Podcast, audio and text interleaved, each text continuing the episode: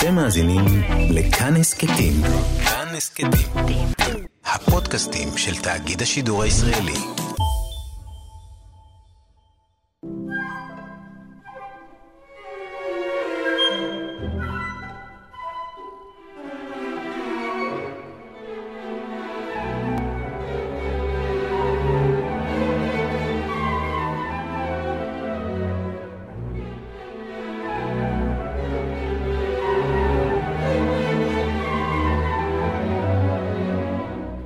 מאחורי הקלעים, שעה עם רותי קרן על צידו הנסתר של עולם התרבות והאומנות.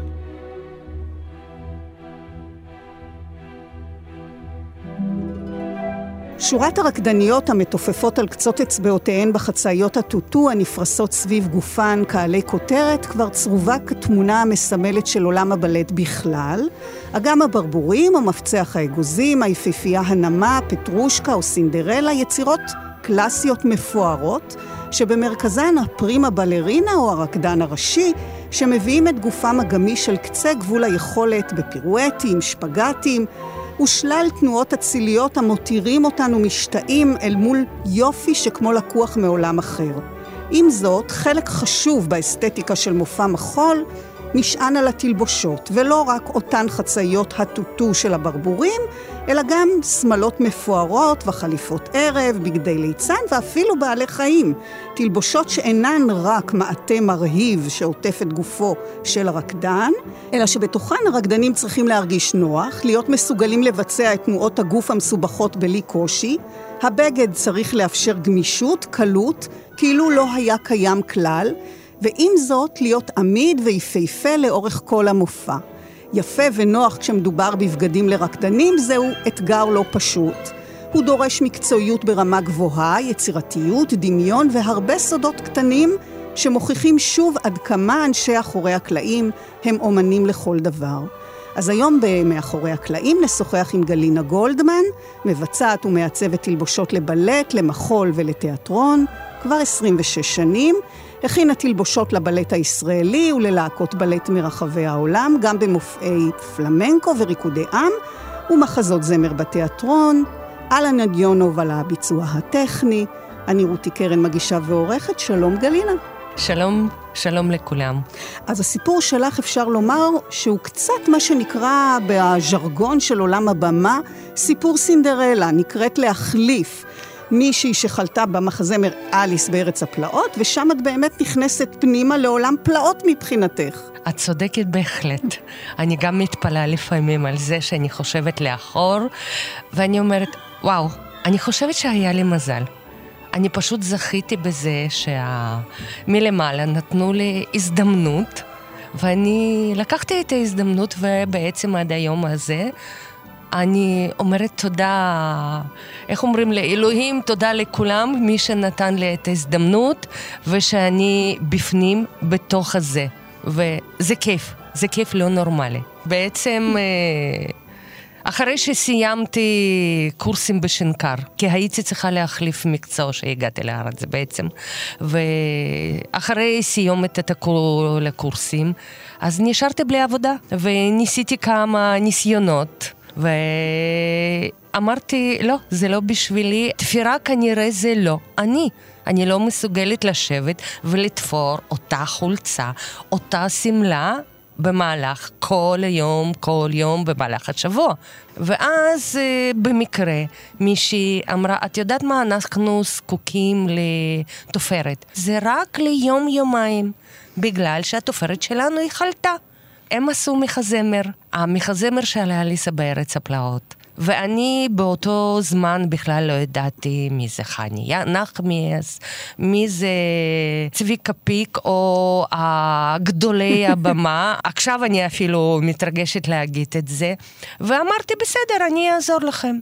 ואז הייתה מהצוות אה, של ההצגה הזו אילנה גאנם. בוודאי העבודה הייתה לא שמונה שעות. זאת הייתה עבודה סביב השעון. וואה. אנחנו עבדנו איזשהו 12, 16 שעות.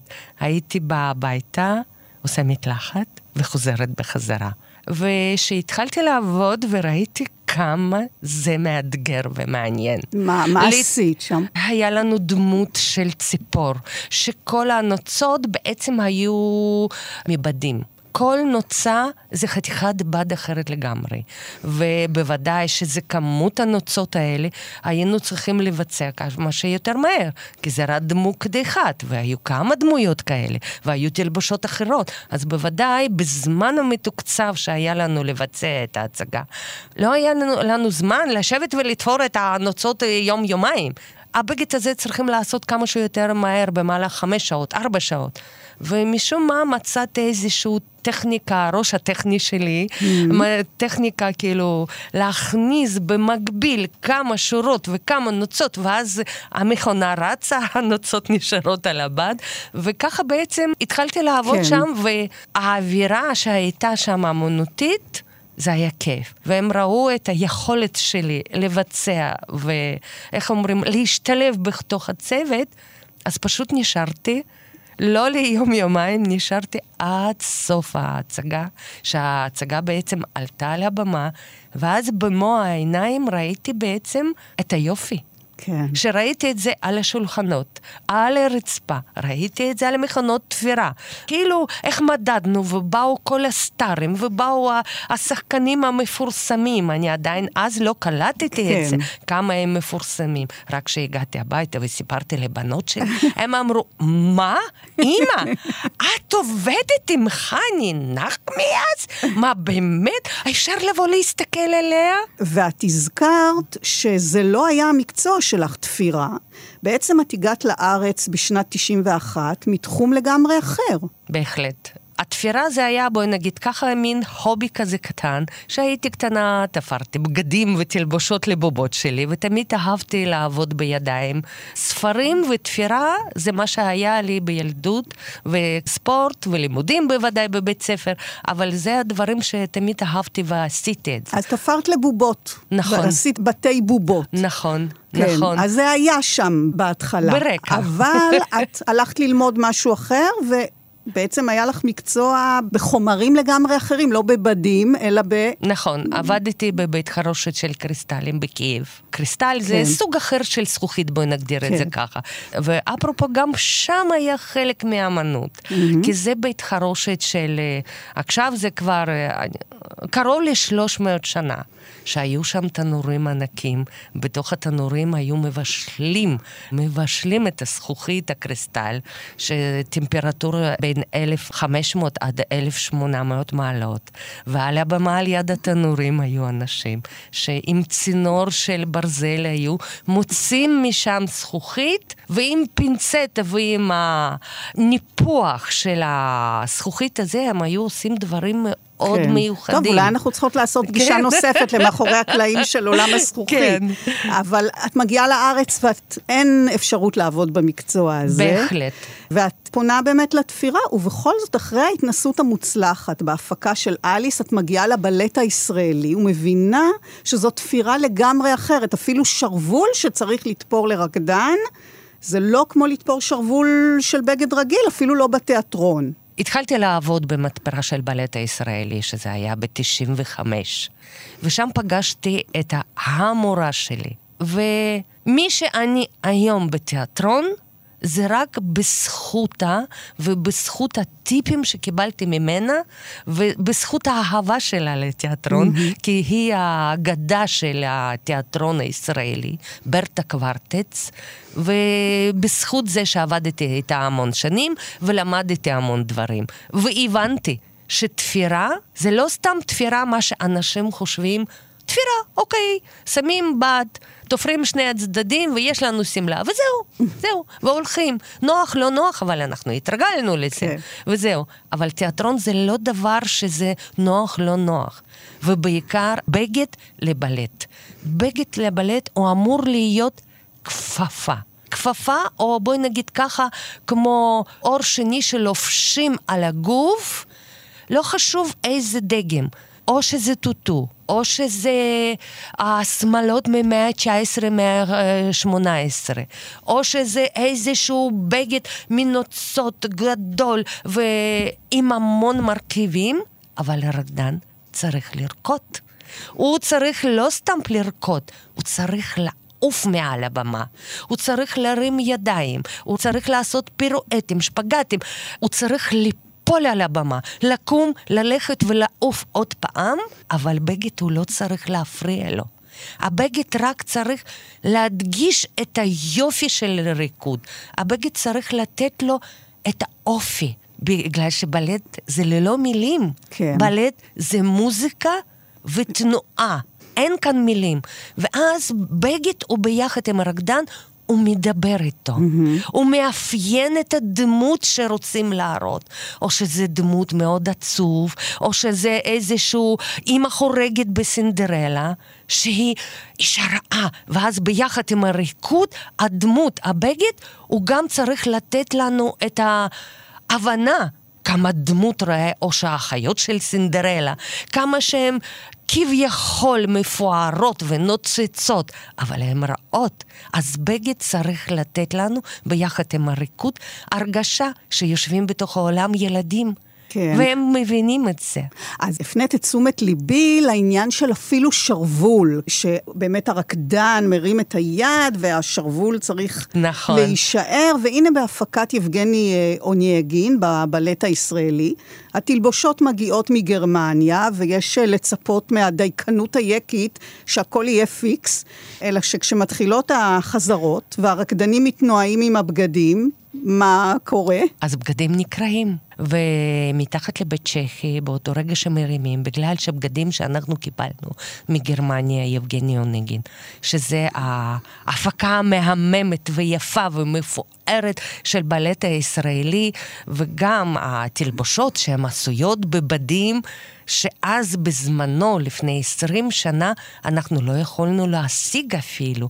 הציורים על משי, ציורי יד על השמלות של מאה ה-19 של טטיאנה ואוניגן, mm-hmm. שזה היה ממש מהמם ומאוד מרגש. אבל זה נקרא. אבל זה נקרא, באמת. ואז כאן אנחנו היינו צריכים ממש לתקן את השרוולים, בגלל שהגזירה של השרוולים של בלט היא שונה לגמרי מהשרוול רגיל, מה שאנחנו לובשים, או טישרט, או שמלה, או חולצה. וכאן... במה זה שונה? הוא שונה אפילו בגזרה. איך שאנחנו גוזרים אותו, אנחנו כבר חושבים איך הרקדן תרים את היד, ושהבגד יישאר במקום, וגם שיהיה לו אפשרות להרים את היד ולא למתוח את כל הבגד ביחד איתו. בכל זאת, אה, הגיעה מגרמניה, אז מה, הם לא יודעים לתפור שרוולים? בוא נגיד ככה, הם יודעים לתפור ולעבוד מאוד יפה. אבל מה שכן, בג'קטים של הגברים, שמנו לב שמתחת לבית צ'כי הם שמו מין תוספת קלפה כזו מבד אחר, שיהיה להם אפשרות להרים את הידיים. אנחנו לא עושים את זה. אלא? אנחנו גוזרים שרוול עם החישוב של קלפה. ואז באותו רגע שהרקדן מרים היד שלו, לא רואים שיש שם תוספות בשרוול. וזה גם לא נקרע. בוודאי. כן, אז זה לא רק לדאוג שהתלבושות לא יתפוררו, אלא גם לדאוג שהרקדן ינוע באופן חופשי ומלא בתוכה, בלי שילחץ, בלי שיגרד, בלי שיזיע. וכל אלו הם תוצרים של סוג הבד, הגזרה, התפירה, סוג התפר, סוג החוטים אפילו. המון פרמטרים שצריך לתכנן אותם מראש, אז איך את מתחילה יצירה של בגד? את מקבלת לידייך את הסקיצה של המעצב, וצריכה לתרגם את זה לבגד, ואני מניחה שיש פערים בין מה שמעצב מדמיין לבין מה שקורה בשטח, וזה תלוי במידה מכרעת בבחירת הבדים, והרי בד זה לא רק מלבוש ולא רק נוח, אלא גם מבטא תפיסה, אפיון דמות.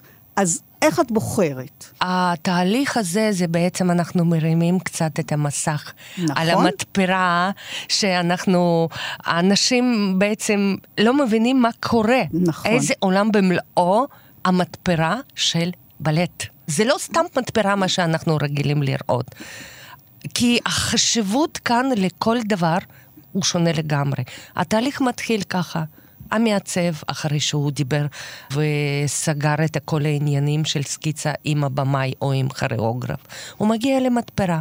שם את הסקיצות על השולחן, ולפני שאנחנו ממשיכים עם בחירת הבדים, בחירת של דגם, הוא גם מספר על כל דמות. הוא מספר, הדמות עושה תנועות כאלה, הדמות רוקט, הדמות נופלת, אה, עצובה, או שלהפך, הדמות מאוד שמחה. Mm-hmm. בגלל שאת מסתכלת על הסקיצה, קשה לך להבין מה רקדן אמור לעשות בתוך הבגד. אני תמיד קוראת לתלבשות לבלט בגד עבודה. זה כמו שסרבל עבודה אצל פועל שעובד ואמור להיות נוח לו, אותו דבר התלבושת של בלט. זה בגד עבודה, אבל הוא יפה. כן. הוא יפה ומיוחד. ואז אנחנו בוחרים בדים ספציפי לסקיצה הזו. אז למשל נגיד, סינדרלה? למשל סינדרלה, כן. היא צריכה להיות בנשף יפה, קלילה, תמימה, נקייה, שמחה. וגם השמלה, ביחד עם הריקוד שלה, שהיא עפה, והיא מתביישת, והיא שמחה, אבל השמלה צריכה גם להראות כמה היא מיוחדת, כמה היא עדינה. זאת אומרת, הבדים צריכים לעוף ביחד איתה. הם צריכים כאילו לשיר ולהביע את תחושת הבטן שלה, הנשף הראשון שלה. השיפונים כלילים. כשהיא רוקדת, השיפון הוא הולך ו... עף ביחד איתה, כמו ציפור, שכל הנוצות עפים איתה. אבל בתור רגע, גם החלק העליון שלה אמור להיות עטוף על הגוף, אבל גם לא יכול להגביל את התנועה. זאת אומרת, אנחנו בוחרים שחלק העליון מהחצאית, נגיד מכוך, שהוא יהיה טיפה לגמיש. שהיא תוכל לנשום, mm. שהיא תוכל לעוף, ושלא יהיה קשה לעשות את כל הפירואטים. והאחיות? והאחיות, דווקא כאן הבחירת הבדים הייתה אחרת לגמרי. כל דמות אחות זה משהו... קצת פורים, בואי נגיד ככה, מאוד מפואר, מצועצע, נפוח מדי, והצבעים צעקנים, ירוק חזק, ואחות שנייה אדום חזק, וגם אימא חורגת, עם פאות מאוד כאלה, מצחיקות. ואיזה בדים כאן למשל בחרת? כאן בח... הבחירה הייתה בדים של uh, סטנים, שהם מבריקים, ונראים זולים. ואז רואים את ההבדל בין האחיות ובין סינדרלה היפה ועדינה.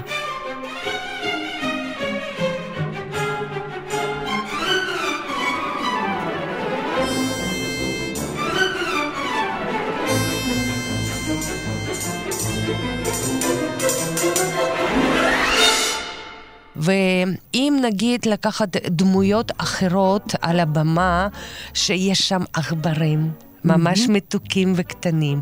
אז יש להם אה, מין בגד כזה אוברול בצבע העכבר, והאוברולים האלה עשויים מבדים של לייקרה. למה? כי זה עכבר קטן.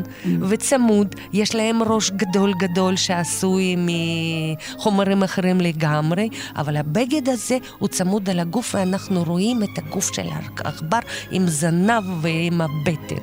אז כאן הבחירת הבדים הייתה לייקרות.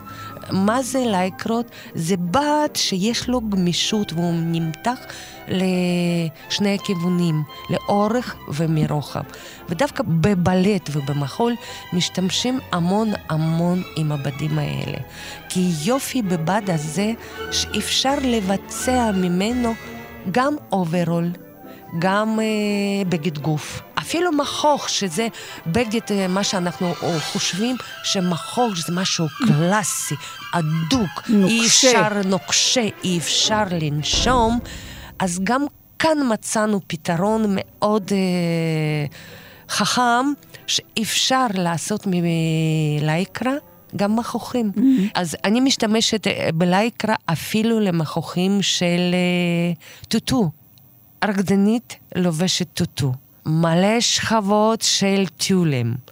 וזה עומד, והיא צריכה גם לדעת איך לרקוד ואיך להתקרב לפרטנר שלה. והיא בוודאי עושה המון פירואטים, ולפעמים היא בלי מנוחה איזשהו 10-15 דקות על הבמה, שזה לרקדנית בלט זה המון, שאין לה אפילו רגע לצאת אחרי הקלעים לשתות טיפה למים.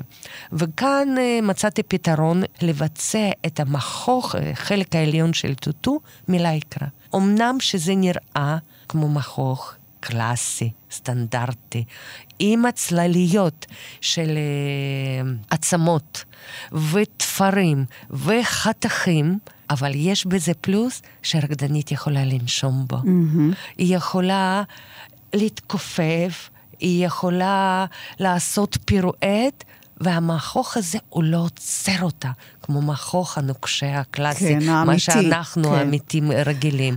אז בדי לייקרה שבאמת יש להם גמישות, והיום מכניסים לייקרה הרי לכל דבר, גם לבת של מכנסי ג'ינס, אפשר לומר שזאת המצאת המאה, לפחות אה, בתחום שלך. ובעבר, כשהבד הזה עדיין לא היה כל כך בנמצא, השתמשתם בבדים שמיועדים אה, לבגדי ים. נכון. האמת היא שכן, היינו צריכים לבצע את ההצגה עם אה, כריאוגרף מדרום אמריקה, אנטוניה גומס, טנגוניון. היינו צריכים למצוא פתרון שזה איזושהי רשת שקופה, אבל היא אמורה להיות גמישה.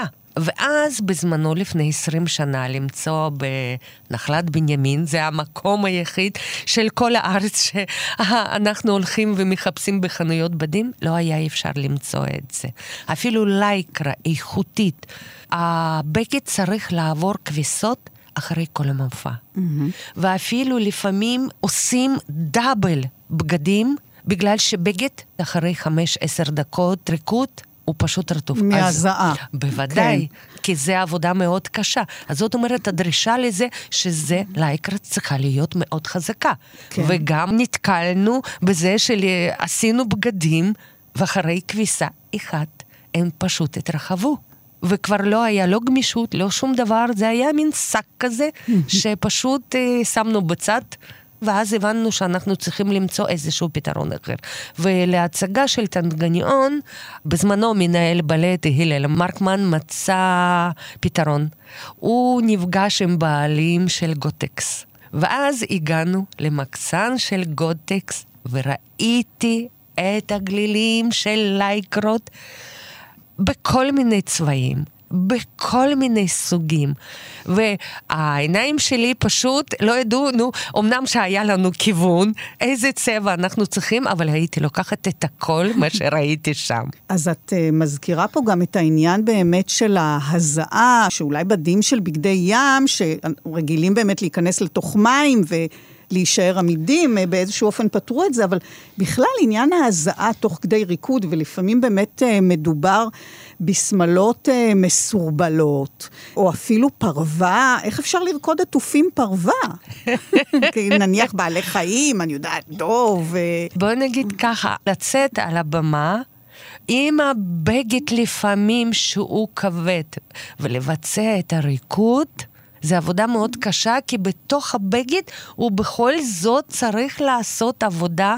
לפעמים נתקלתי שהגיעו בגדים מחו"ל לריקוד, והרקדן הוא פשוט נחנק בתוך הבגד. וזה חלק מהעבודה של הרקדן או שחקן, לא להראות את זה. כן, אבל זה גם כמובן החלק שלך, לדאוג שהבגד, נניח אם זה פרווה, אז שזאת תהיה פרווה שהיא אפשרית.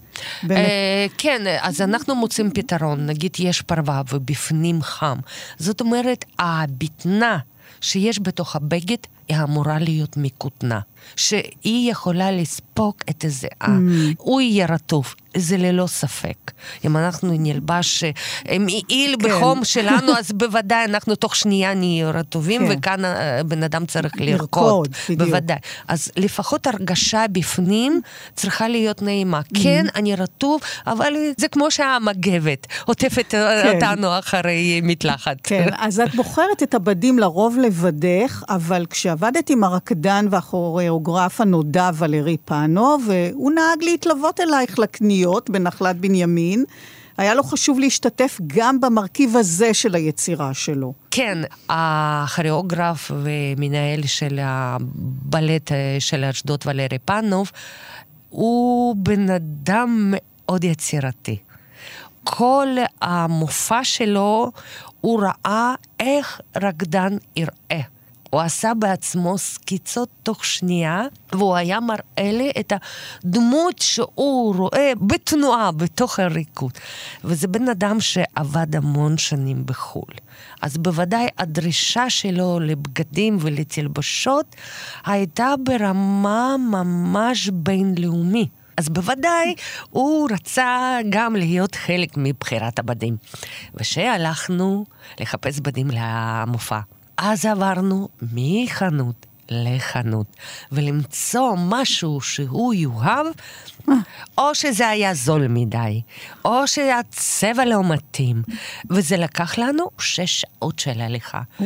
כן, זה לא היה קל, ובחום שלנו בקיץ, כן. אז הגענו לאיזושהי חנות והוא ראה בדים. הבדים היו מהממים, אבל המחיר של הבדים האלה, לא כל אישה יכולה להרשות לעצמה לקנות את המטר וחצי לשמלת ערב. וכאן יש לנו להקה כן. עם מלא רקדניות, נגיד ארבע עונות, זאת אומרת כל אה, עונה בד אחר לגמרי, ובחרנו בדים בכל זאת. ולריקוד של אה, סתיו בד שהיה כבר קיים, הוא לא התאים. Mm. כי הדגם היה מאוד קליל, עם קיבוצים, ובעצם הבד היה צריך לרקוד. הצבע שלו היה כן, של סתיו. הוא היה יפה, וצבעים של סתיו, אבל הבד לא דיבר. וכאן אמנם שעשית את הדגם, אבל עד היום אני לא כן. לא מרוצה אה, מהעבודה שלי. כן. אז זהו, כששלל בדים נפרסים לפנייך בחנות, את יודעת לצפות איך התנהג הבד? האם הוא באמת הבד שמתאים לצרכים של ההפקה, של הדמות, של העלילה? בדרך כלל, אם אני רואה את הבדים, אז זאת אומרת, לפני שאני אומרת שזה כן הבד המתאים, אני צריכה להיות מי השחקן או מי הרקדן יהיה. איזה דגם אני הולכת לעשות מבעד הזה? מה השחקן או רקדן יעשו בפנים בתוך הבגד הזה, ואז אמורה להיות בחירה. זה לא סתם שהוא יפה, הצבע מתאים, כאן יש המון מרכיבים שהם אה, משפיעים על החלטה של בחירת הבת. הבדים זה חומר גלם שאני עובדת איתו יום-יום. כי בד בשבילי זה חומר למי שמפסל, mm. והוא עובד מחומרים שהידיים שלו מרגישים את החומר, אז בשבילי אני מרגישה את הבדים בידיים שלי. שאני לוקחת את הבד ביד ומרגישה אותו, איך הוא גמיש, או שהוא יותר מדי קשה. אם אני לוקחת את הבדים וזורקת את זה על המניקן, כאן אני מקבלת תשובה לכל השאלות שלי. ואז אני רואה איך הוא מתנהג, או שהוא נשפך, ויש את הקיבוצים הקטנים ויפים, או שהוא עומד וקשיח. בד בשבילי זה הוא מדבר איתי. אני כאילו מרגישה את הבדים. כן. כאילו, אני אסתכל, לפעמים אומרים, אני אשלח לך תמונה מחנות ותגידי לי, האם זה מתאים? אני אומרת, לא. אני צריכה לראות, להרגיש, כן. ואז אני אתן תשובה. אז את אומרת שהבד מדבר אלייך, אבל כמו שאמרת, את גם שואלת שאלות על הדמות, על השפה של ההצגה. את יורדת לפרטים הדקיקים ביותר. נכון, כי כדי לבחור בד ונכון לבחור דגם שאני הולכת לעשות, אני חייבת לדעת את הדמות. כי אפילו דוגמה קטנה, המדים של כרטיסנית ברכבת, שזה פרט כל כך בנאלי שלפעמים אני אומרת, למה צריכים לבצע את זה? למה אי אפשר ללכת לחנות ולקנות את זה? ואז שאלתי מהצוות, מי היא? מי הדמות? סטאמפ עומדת שם? לא, זאת אישה שהיא חושבת שהיא מגונדרת ומבינה באופנה. אבל אני אומרת, ואיך השחקנית היא אישה מלאה, חתיכה? לא, זו אישה 40 פלוס. זאת. אומרת, אני כבר uh, עושה חישובים בראש, זאת אומרת, זו אישה שלא מידה 38, זאת אומרת, הגזרה צריכה להיות קצת שונה. ואז אני שואלת, ומה היא עושה בתוך הבגד? האם היא סתם עומדת שם? לא, לא, לא. היא גם צריכה לשבת ולתפקד ולמכור וללכת. ואז, אחרי שהבנתי מי זאת הדמות, מה היא עושה, ביקשתי שיהיה בת כביכול שזה מדהים, אבל שיהיה לו נגיעות של לייקרה, שיהיה לו גמישות, כדי לעשות את הדגם כאילו אדוק ומתפוצץ כן. עליה, אבל באותו רגע שיהיה לה נוח. אבל בעניין החומר, הבד, ונדמה לי כשמדובר על בדי הטול, שמהם אה, תופרים אה, את חצאיות הטוטו של הרקדניות, כאן צריך תקשורת ברמה מאוד גבוהה עם הבד, כי יש אין סוף אה, סוגים של טול, וזה יכול להכריע אם החצאית תעמוד או תיפול. האמת היא שכן. שרק התחלתי את המקצוע שלי ותפרתי הטוטו הראשון שלי. וזה היה הטוטו לבלט פאנוב. אני לא אשכח את הניסיון שלי לתפור את הבגד המהמם הזה, כי בביצוע של טוטו הזה עשיתי את כל הטעויות שאי אפשר לעשות. מה זה טוטו? שאנחנו רואים הרקדנית עפה ופורחת אה, מעל הבמה, ויש עליה בחצאית שהיא כאילו הסגנון של אה, מטריה, שהיא עומדת ולא זזה. וזה יפה, אבל איך לעשות את זה? רואים שיש שם מלא שכבות, אבל אף אחד לא יודע שזה בגד מורכב בין 15 ל-20 וולנים, שכל וולן ברוחב. אחר, בגודל אחר, וגם בחירת הטיול אמורה להיות מסוימת, שזה לא יהיה סטמפ עומד. כאילו זה איזשהו פלסטיק, אבל באותו רגע זה לא אמור להיות טיול אחרי נגיעה אחת שהוא ייפול. וכאן הולכת להיות הבחירה החכמה, חומר של טיול. כי יש המון סוגים של טיולים בשוק. לפעמים אני נוגעת בידיים בטיול, והוא נשאר ככה, מקומט, כי יש המון עמילן בתוך mm. הטיול. ואז הטיול בוודאי לא מתאים לנו. כן. ברוסיה, הטוטו הקלאסי, הם משתמשים בחישוק, כמו במטריה, שהוא מחזיק את כל הוולנים. ומה המינוס בזה? אם יש חישוק בתוך החצאית, אז לרקדנית מאוד קשה להתקרב לפרטנר. באותו רגע שהיא מתקרבת, ואז רואים איך החצאית מתקפלת mm. לאיזשהו צד. וגם אחרי שמסיימים את המופע, צריכים לאחסן את החצאיות האלה. אז בוודאי לאחסן את החצאיות אה, צריכים באיזשהו ארגזים. עצומים, כן. כן, עצומים, שזה יהיה פרוס הכל. וכאן מצאנו פתרון איך לעשות את החצאית שהיא בלי חישוק. אבל היא עומדת. זאת אומרת, יש משהו מקופל, איזשהו גוש אה, של טיולים. ואז, אחרי שפותחים את זה, ואז אנחנו רואים שזה כמו פרח נפתח, ואז נפתחת החצאית, שהיא עומדת. וכאן לא רק בחירת הטיולים, כאן הבחירה הנכונה של תפירה. זהו, את אמרת ש, שבפעם הראשונה שתפרת באמת אצל פאנוב, עשית את כל השגיאות האפשריות, ובעצם תפרת את הוולנים לא נכון. נכון. מה זה אומר? לא נכון, אומר... ומה זה אומר נכון? או ששמים וולנים בתפירה למעלה, או ששמים וולנים בתפירה למטה. וגם הרוחב בין וולן לוולן, הוא כל הזמן משתנה. במהלך התפירה, כל ה-15 סוגים של וולנים הוא גם משתנה. זה לא סתם תופרים וולנים. שאז אה, תפרתי הטוטו הראשון שלי, אז פשוט תפרתי וולנים כמו שתופרים בשמלות, כן. למטה. ואז אה, אחרי שסיימתי לתפור את הטוטו לא הבנתי.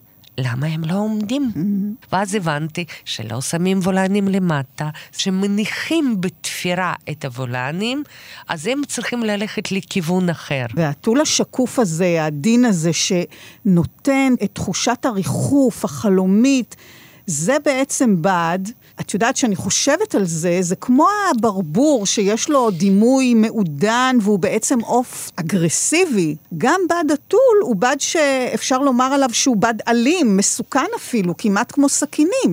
נכון. זה מאוד קשה, אפילו שמתחילים לגזור, ואז החתכים האלה משאירים שריטות על הידיים. העבודה הכי קשה שמתחילים לתפור אותם. בגלל שהחתך בטיול אין לו סיומת. פשוט חותכים אותו.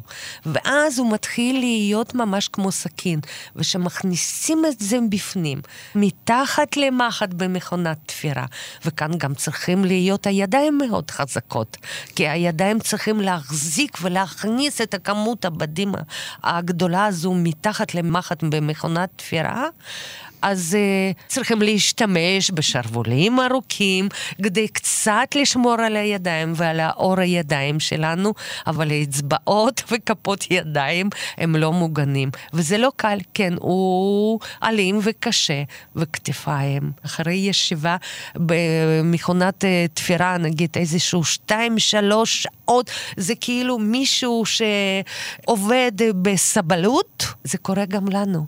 ובוודאי שהמחט... הבתים אפילו נשברות מעומס ה...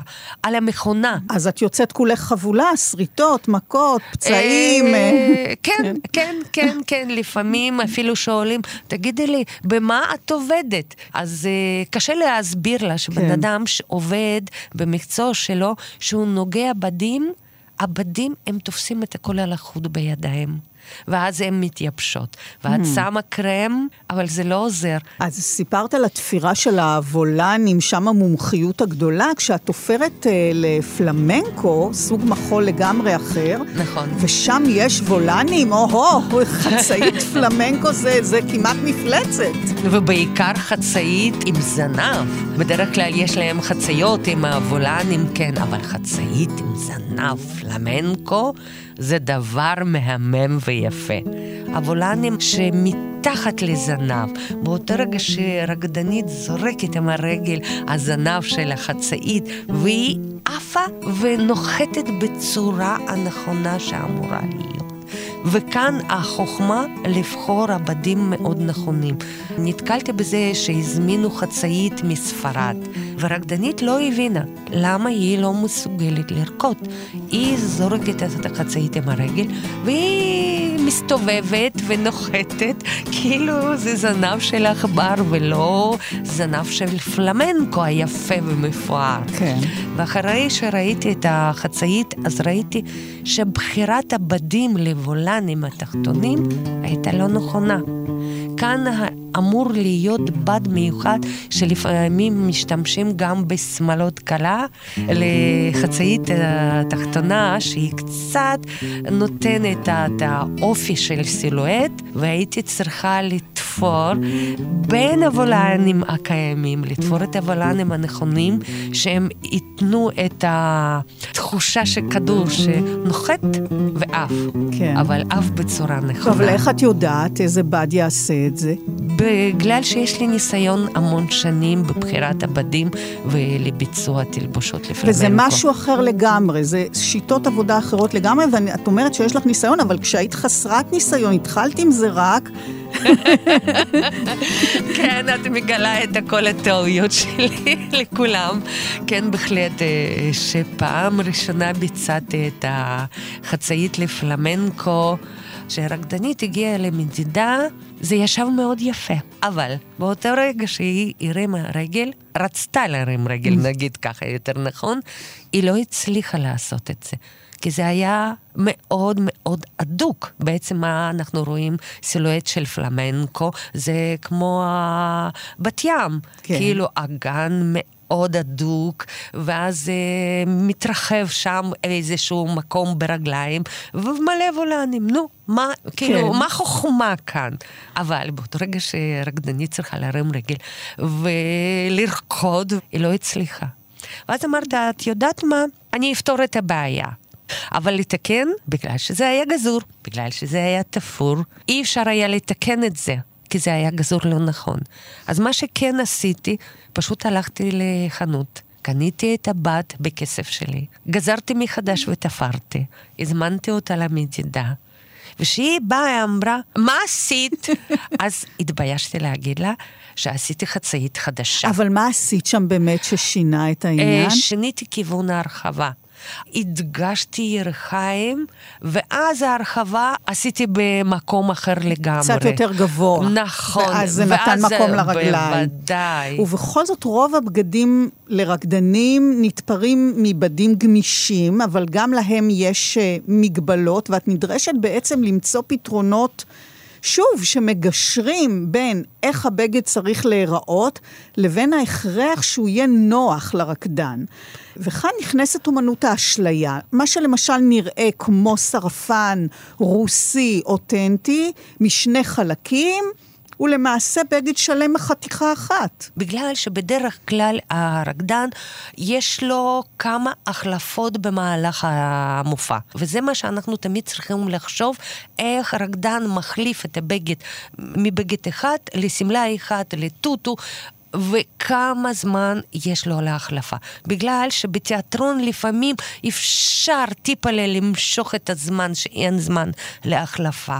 בבלט אין דבר כזה. המוזיקה, אי אפשר לעצור אותה. היא נמשכת. זאת אומרת, יש ספציפי לפעמים 30 שניות להחלפת הבגד. וכאן אנחנו מוצאים תמיד הפתרון, שנגיד שמכנסיים, חצאית, חולצה, שזה יהיה רק בגד אחד. זאת אומרת, זה הכל צריך להיות מחובר בתוך הבגד אחד, אבל אנחנו לא צריכים גם לראות את זה. זה אומר שזה נתפר בפנים, בתוך הסרפן, ואז יש מראה, יש לנו סרפן, ויש לנו חולצה, ויש מתחת עוד מכנסיים באותו רגע שמרימים רגליים. וכאן הולכת להיות החוכמה לחבר הכל ביחד. שזה נראה כאילו שזה שני חלקים, אבל זה בעצם חלק אחד. בוודאי, שזה אז... גם נשלף בתוך דקה כן. מהרקדן. במחול כזה, ובכלל במחול אה, או בבלט שרוקדת להקה, והם נניח עומדים בשורה. הוא צריכה להיות אחידות במראה, ורקדנים הם בעלי גובה שונה, מבנה שונה, אז כאן את באמצעות מיקום של נניח קו מותן, או מכפלת של חצאית, את יכולה ליצור אשליה מוחלטת שיוצרת אחידות. כן, נגיד עומדת להקה עם הבנות, 20 בנות, ו... לכל אחד יש את הגובה שונה, כמו שאת אמרת, אבל אנחנו צריכים לראות שהם כולם אותו דבר. אז כאן אנחנו עושים מכפלת שאנחנו מתייחסים מגובה, לא לכל uh, ברך. כביכול. אנחנו מתייחסים גובה מהרצפה, מהבמה. אז קהל שהוא יושב uh, בתוך העולם, אז הוא רואה שלכולם יש uh, חציות באורך יחיד. זאת אומרת, האשליה שמהרצפה כולם נגיד 25 סנטימטר, ואז יש אשליה. יחידות. שכולם אותו הדבר. נכון. ואת זה את עשית בהפקה דוזה מורס של הכוריאוגרף אה, שפוק מבלט שטוטגארט. את מצאת שם עוד פתרון. פתרונות יצירתיים במיוחד, שיאפשרו נשימה ותנועה. כן, בבלט אה, דוסומורס, שם דווקא הרקדנים, הגברים, הם רקדו עם מכוחים ועם חציות של 119 ארוכות, עם זנב, עם כמה שכבות עוד חציות מעל, וכאן היינו צריכים גם למצוא פתרון, כן, הם רגילים לרקוד בכל מיני תפקידים, גם בתפקידים של אישה, אבל כאן גם מכוך, גם חצאית ארוכה ומנופחת. ואז במקום uh, המכוך הקלאסי עם מלא עצמות מרופד ומהמם, מצאתי פתרון שהחוט שקושר את המכוך, פשוט קניתי חוט... Uh, כביכול גומי, אבל המראה שלו כמו חוט רגיל. ואז זה נתן טיפלה לרקדן אפשרות לנשום בתוך המכוך הזה. אז זהו, את הרבה מדברת על העניין הזה שהבגד צריך לתת את האפשרות לנשום, שזה באמת אולי הכי חשוב. הוא מבצע פעילות גופנית מאומצת, אז... הוא צריך לנשום, הוא צריך uh, להרחיב את השרירים שלו ואת העצמות שלו עם התנועות, ואפילו זה צריך להיות בנוי כך שגם אם נניח צריך להחליף רקדן שיוכל להיכנס ולרקוד בבגד שאיננו שלו. בוא נגיד ככה, גם בחירת הדגם של גזרה ובחירת הבדים תמיד אה, מאוד חשובה בבלט, כי זה להקה. ויש רקדנים, לכל אחד יש את הבגד שלו, אבל אנחנו אנשים, אנחנו לפעמים מישהו חולה. בגלל זה, נגיד, בחירת הדגמים אה, במאה ה-19, יש שם תוספות של בדים, תוספת איזושהי אחרית מוסתרת למקרה חירום. התוספת הזאת מוסתרת אה, של הבד בתפרים הצילה אותי, שרקדנית אחת נקעה את הרגל, ולא יכלה לעלות במערכה שנייה. מה עושים? מישהו היה צריך להציל את התפקיד הזה, והייתה רקדנית שהייתה כבר בחודש שביעית, היא רק הגיעה עם להקה, אבל היא לא רקדה. אז היא הצליחה להיכנס בשמלה הזו, פשוט הייתי בתוך כמה דקות ספורות למצוא פתרון, אז פשוט פתחתי את התפרים, פתחתי את המכוך, קשרתי אותו בצורה אחרת, הכנסתי שם איזשהו בד, עשיתי כזו אשליה שיש שם תוספת מיוחדת, ואף אחד לא הרגיש שהיא כן. רקדנית בחודש שביעית על הבמה. אז זה, זה לא רק רקדן או שחקן שמחליף מישהו אחר וצריך להיכנס לבגד, את אה, גם אמרת קודם אה, שזה גם חילופים תוך כדי ההצגה של רקדן שצריך להחליף תלבושת בפחות מדקה ולשוב לבמה בזמן. וזה תלוי במידה מכרעת בבגד, ביכולת להשיל אותו וללבוש אחר, אז מה מבטיח שזה יקרה? קודם כל זה תכנון מראש, בודקים כמה זמן יש להחלפת הבגד. נגיד בסינדרלה, האימא חורגת, זה בעצם מבצע רקדן. Mm. שאחרי תפקיד כן. של אימא, הוא יוצא עם כל הלהקה בתור גבר על הבמה, עם הטייצים ועם הג'קט אה, הקלאסי. ובעצם באותו רגע שהוא בתפקיד של אימא. יש לו חזה, יש לו ירחיים, יש לו שמלה, מכנסיים, פאה ותקשיטים. אז זאת אומרת, יש מתחת גוף השמנה. זאת אומרת, אם נגיעה אחד ברוכסן אחורי, הבגד נשפך על הבמה, ואז מתחת יש לו כבר טייץ, הוא רק mm. שם את הג'קט הקלאסי על עצמו ויוצא על הבמה. זה, זה צריך לבחור רוכסן שלא נתקע. בוודאי, בוודאי, כן. ולפעמים יש גם מקרים שזה נתקע, ואז עושים ואחד שמיניות. ואותו דבר גם, נגיד, שביצעתי את המחזמר ברנשים וחתיכות בבית לסינג, שהייתה לנו שם אה, בחירה שהבנות הרקדניות, הן רוקדות אה, בשמלות אה, של נשף, שמלות ערב מהממות, הם מכוחים, ובתוך שליפה אחת הם נשארים עם בגד גוף על הבמה וממשיכים את הריקוד. זאת אומרת, כמה שניות הם צריכים לפתוח את השמלה ולצאת. וגם כאן הייתי צריכה למצוא פתרון, איזה טיקטקים להשתמש. אי אפשר להשתמש בסקוץ'. באותו רגע שעשר רקדניות פותחים את השמלה עם סקוץ', הם אז ישמעו את הרעש של סקוץ' ולא את המוזיקה. כן, כן, כן. ואז היינו צריכים למצוא פתרון לטיקטקים, ואיזה טיקטקים לשים יש, בגלל שזה מכוך, זה חזק ורוקדים, אז טיקטקים היו נפתחים. ואז אה, יש טיקטקים מאוד חזקים, אבל הם עוד גסים, ואז בנגיעה אחת הם לא נפתחים. Mm. הייתי צריכה לעשות ניסיון, ואז מצאנו סוג הנכון של טיקטקים, שזה גם מחסיר מכוך, אבל גם בנגיעה אחת רקדנית פותחת את זה, ונשארת עם בגד אחר. כלומר, זה לא רק הבד הנכון, זה גם אביזרים קטנים, כמו סקוטשים, טיקטקים, חוטים. אם חוטים לא מתאימים, למשל מכנסיים של רקדן יכולים להתפקע תוך כדי ריקוד, וגם זה קרה לך. בוודאי. גם זה קרה. היום את רוצה לגלות את כל הטעויות שלי. זה המקום של הסודות הקטנים.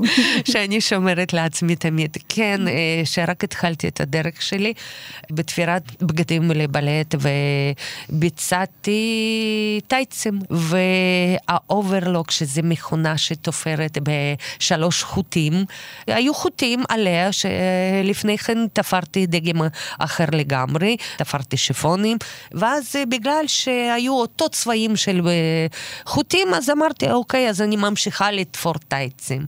טוב שזה היה רק חזרות. ואז רקדן, באותו רגע שהוא היה צריך להרים את הרגל, כל התפר התפוצץ. בגלל שתפרתי בחוטים רגילים, mm-hmm. ולא בחוטים עם גמישות.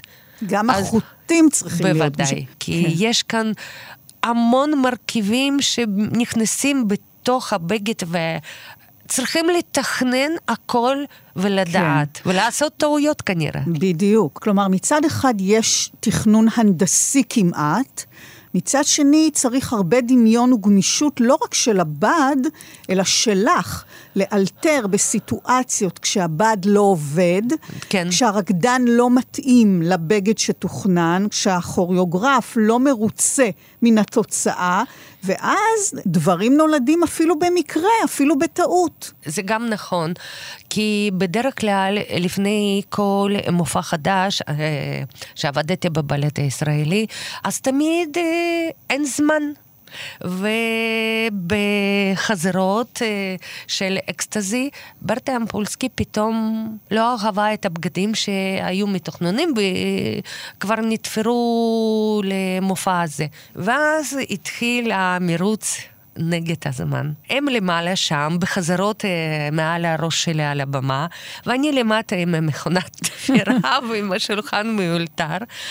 ואז הייתי עושה על הדגמים, דגם של אוברול, uh, הייתי מגיעה, uh, תכף הרקדנית הייתה מראה לה את זה, את, כל הזמן לא הייתה מרוצה, זה לא מה שהיא ראתה, הריקוד שלה לא בבגדים האלה. אחרי איזשהו חמש דגמים, זה היה כבר אולי תשע בערב, ובאיזשהו טעות אה, הייתי צריכה לקצר, אבל פשוט לא שמתי לב שהבגד מקופל, ואז חתכתי את הבגד במותן.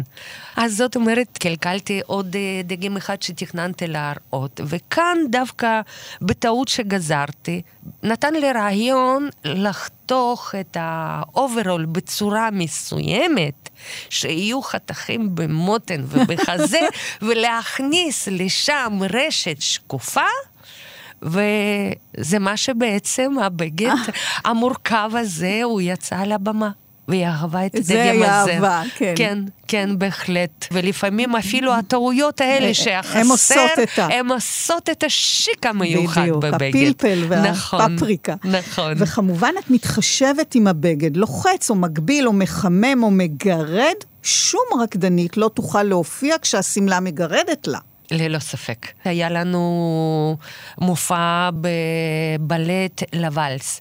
הרקדנית, הסולנית, הייתה צריכה להיות בשמלה עם הפייטים נוצצת ויפה.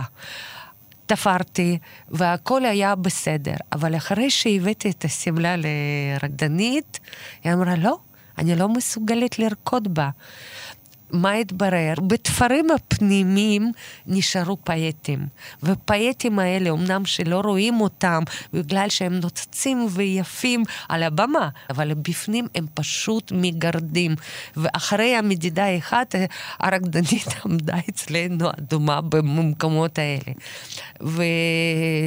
אני חושבת, אה, לפני פרמיירה כמה שעות אני ישבתי עם המספריים קטנטנות והייתי צריכה לגזור את כל הפייט על תוספות התפר הפנימיים כדי לתת לרקדנית תחושה מאוד נעימה. בתוך הבגד. כי גם הבגד הפנימי צריך להיות גם נוח. הבחירת... בעיקר, כן. בוודאי, זה כמו כן. שאמרתי, הבטנה צריכה להיות נכונה, וגם שלא יהיו פייטים כן, על הגוף. כן, אז כשאת מבצעת תלבושות לתיאטרון, למחזות זמר, לבלט כמובן, לפלמנקו, גם להחלקה על הקרח, מה למשל דרוש כאן? החלקת לקרח כאן צריכה להיות מדויקות 200 אחוז. בגלל שהם מחליקים על הקרח במהירות כל כך גבוהה, ואם חס וחלילה משהו מפריע בבגד לרקדן. על הקרח, אז הוא לא מסוגל לעשות, וזה גם מסוכן ל- לרקדן עצמו. זאת אומרת, הבגד היה צריך להיות, זה יחידה אחת. שוב יחידה י- אחת, כן. שוב יחידה אחת. אם זה חולצה, אז זה חולצה בסגנון של בגד גוף, שנכנס בתוך המכנסיים, שהוא מרים ידיים, שהוא עושה פירואט, אין סיכוי שזה יוצא. וגם למחול מסוג אחר לגמרי, עבדת עם להקתו של אה, יונתן אה, כרמון ועם להקת אה, הורה ירושלים, שכבר מרמזת על סוג הריקוד, זה לא רקדני בלט, ומכאן שגם הלבוש דורש פתרונות אחרים. קודם כל מדובר במסה של שמלות. שצריכות להיראות אותו הדבר, וכאן ההבדלים בין הרקדנים משמעותי יותר. אז איך את יוצרת את אותה אחידות? כל תחום דורש תכנון אחר לגמרי. תיאטרון זה משהו אחד, בלט זה משהו אחר, המחול זה גם משהו אחר. יש לנו את הלהקה, שיש נגיד לנו 30 בנות, וגם...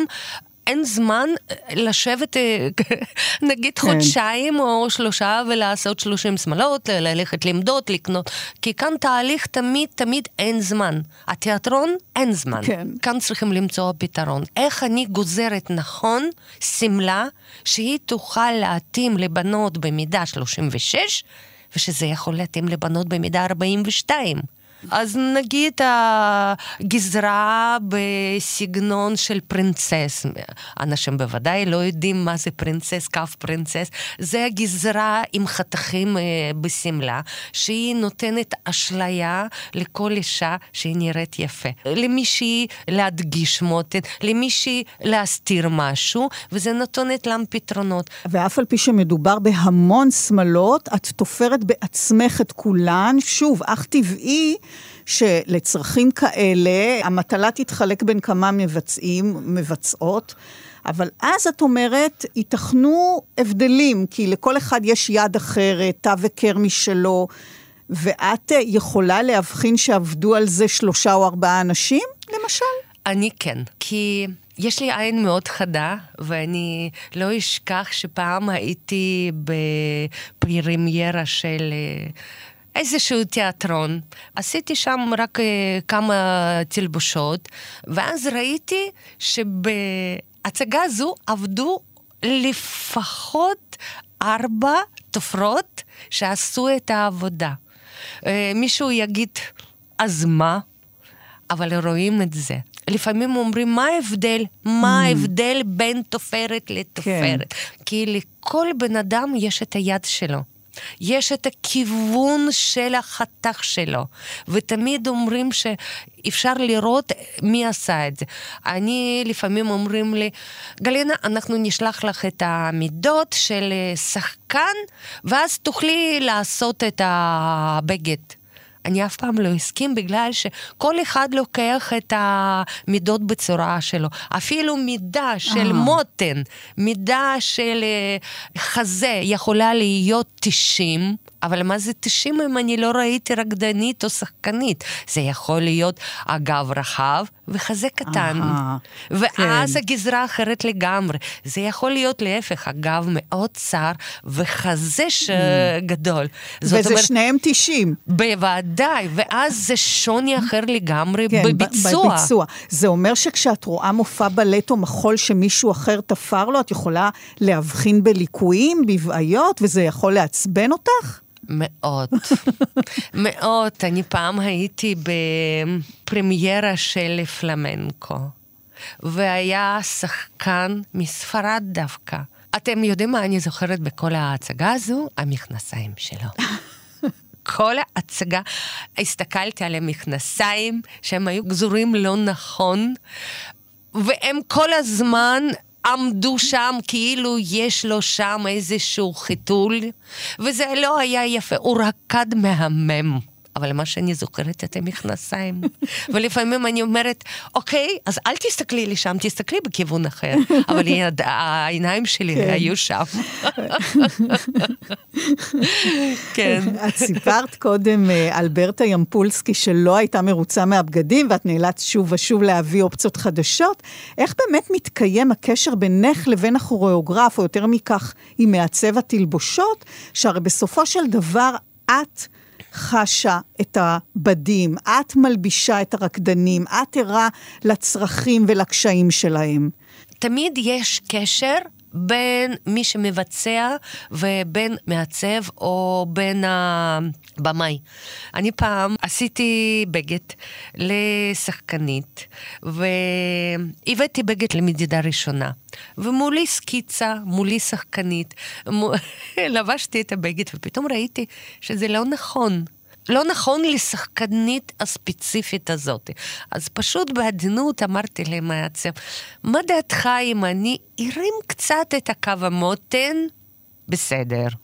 ואז בעדינות, בעדינות אמרת, זה בסדר אם אני אשנה קצת את האורך? בסדר. ואז מה דעתך שאני אשנה את השרוול, הקו השרוול בכתפיים, כי איפה שמונח שרוול, גם כאן חוכמה זה יכול להרחיב אה, כתפיים, או שזה יכול לעשות אותה צרה ויפה, או שזה יכול לתת תחושה של אה, חזה לא פרופורציונלי. ובסוף המדידה בעצם עשיתי הכל עם הסכמה, שאלתי אם זה בסדר. בסדר, בסוף הוא אמר, אוקיי, עכשיו שינית לי את הדגם לחלוטין, אבל זה מוצלח, זה בסדר. כן. באותו רגע שעובדים באותו מקצוע, ואנחנו אוהבים את המקצוע, כי אם בן אדם לא אוהב את זה, אי אפשר כאן לעבוד. כי זה תמיד עבודה קשה, עם עומס, כמו שאמרתי, ידיים כואבות, הכתפיים כואבות, הרגליים לא מחזיקות לעמוד על יד השולחן גזירה 12, לפעמים 14 שעות, אז אנחנו לא נצליח. אז את מדברת על אהבה, וגם את, כמו רבים מאנשי אחורי הקלעים, נסתרת מן הציבור, מי שנמצא על הבמה וגורף שבחים, גם כמובן על אומנותו הוא, אבל גם בזכות הבגדים שתפרת בשבילו. וסיפרת על הפצעים והשריטות והכאבים והגב התפוס. איך את מרגישה כשהמוזיקה מתחילה והרקדן מרחף בתוך יצירה שלך, יצירה יש מאין, בד שקנית בחנות בנחלת בנימין, והופך פתאום... הופך פתאום ליצירת מופת. יש גליל של בד.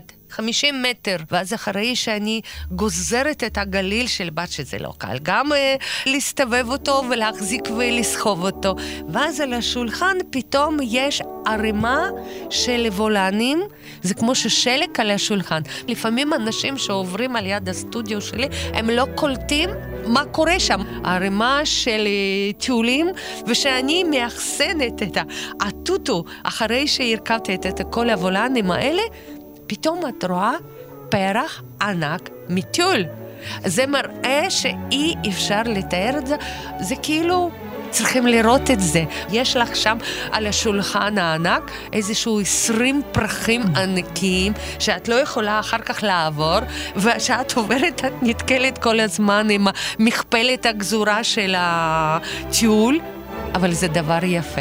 אחרי שאת מביאה את הטוטו, לרקדנים, לתיאטרון, ושהם לובשים את זה, ואת עומדת אחרי הקלעים, סיימת, שאת רואה על הבמה את הפרחים הרוקדים, ורקדניות המהממות הדקיקות ויפות, ואת רואה שחציות עומדות, והן לא נופלות, והן רוקדות ביחד ונוח להן, את שוכחת הכל. את כבר לא מרגישה את הפצעים על הידיים. אמנם שהם שם עדיין, אבל את לא מרגישה את הכאב. את כבר לא מרגישה את הגב התפוס ורגליים כבדות ונפוחות. את רואה את היצירה שלך על הבמה, וזה נותן כזה תחושה ותענוג. אני חושבת ש... זה כמו שמי שמפסל, אז הוא רואה את היצירה שלו, הנה היא עומדת שם. וזה מה שאני רציתי, ובעיקר, אני גם מסתכלת, האם לא עשיתי טעות? האם אני יכולה לשנות משהו? ועוד, אם הייתי עושה את זה ככה, אולי זה היה יותר טוב. בואי נגיד ככה, כל ביצוע, כל הצגה חדשה, אני לומדת עם זה וממשיכה הלאה. וזה דבר שאני לא יודעת באיזה תחום אפשר לקבל כזה תענוג וכיף, וזה מאוד מעניין. גלינה גולדמן, תודה רבה לך. בתוכנית מאחורי הקלעים שוחחנו היום על תלבושות לבלט אה, ולמחול. תודה למבצעת ולמעצבת גלינה גולדמן. אני רותי קרן מגישה ועורכת. עוד תוכנית גם בשישי הבא בשש, ובשידור החוזר בשבת בשתיים בצהריים, וכמובן בהסכת לצד כל התוכניות הקודמות. להתראות.